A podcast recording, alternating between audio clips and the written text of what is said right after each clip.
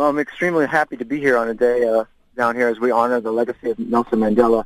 Um, we're currently in Pottsmotsburg, and forgive me if I've uh, pronounced that wrong. it is, and, and it's a beautiful day here. And we're here, and we're administering uh, veterinary medicine to uh, animals as part of the 67 minutes uh, of donation of time at this event. Passut sê die doel van die oefening tussen die twee lande is tweeledig. Well, the U.S. military is here uh, as part of the Shared Accord exercise, and uh, the intent of the exercise is to build upon our military partnership and friendship with South Africa.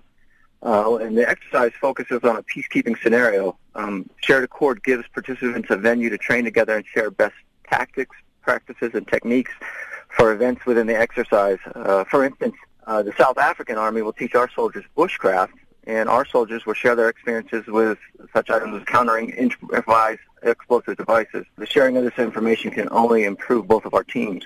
Met die aankoms van die Amerikaanse weermag wat in Appington met twee groot C-17s geland het, het gerugte op sosiale media begin versprei dat daar vreemde militêre optrede deur Amerika in Suid-Afrika plaasvind.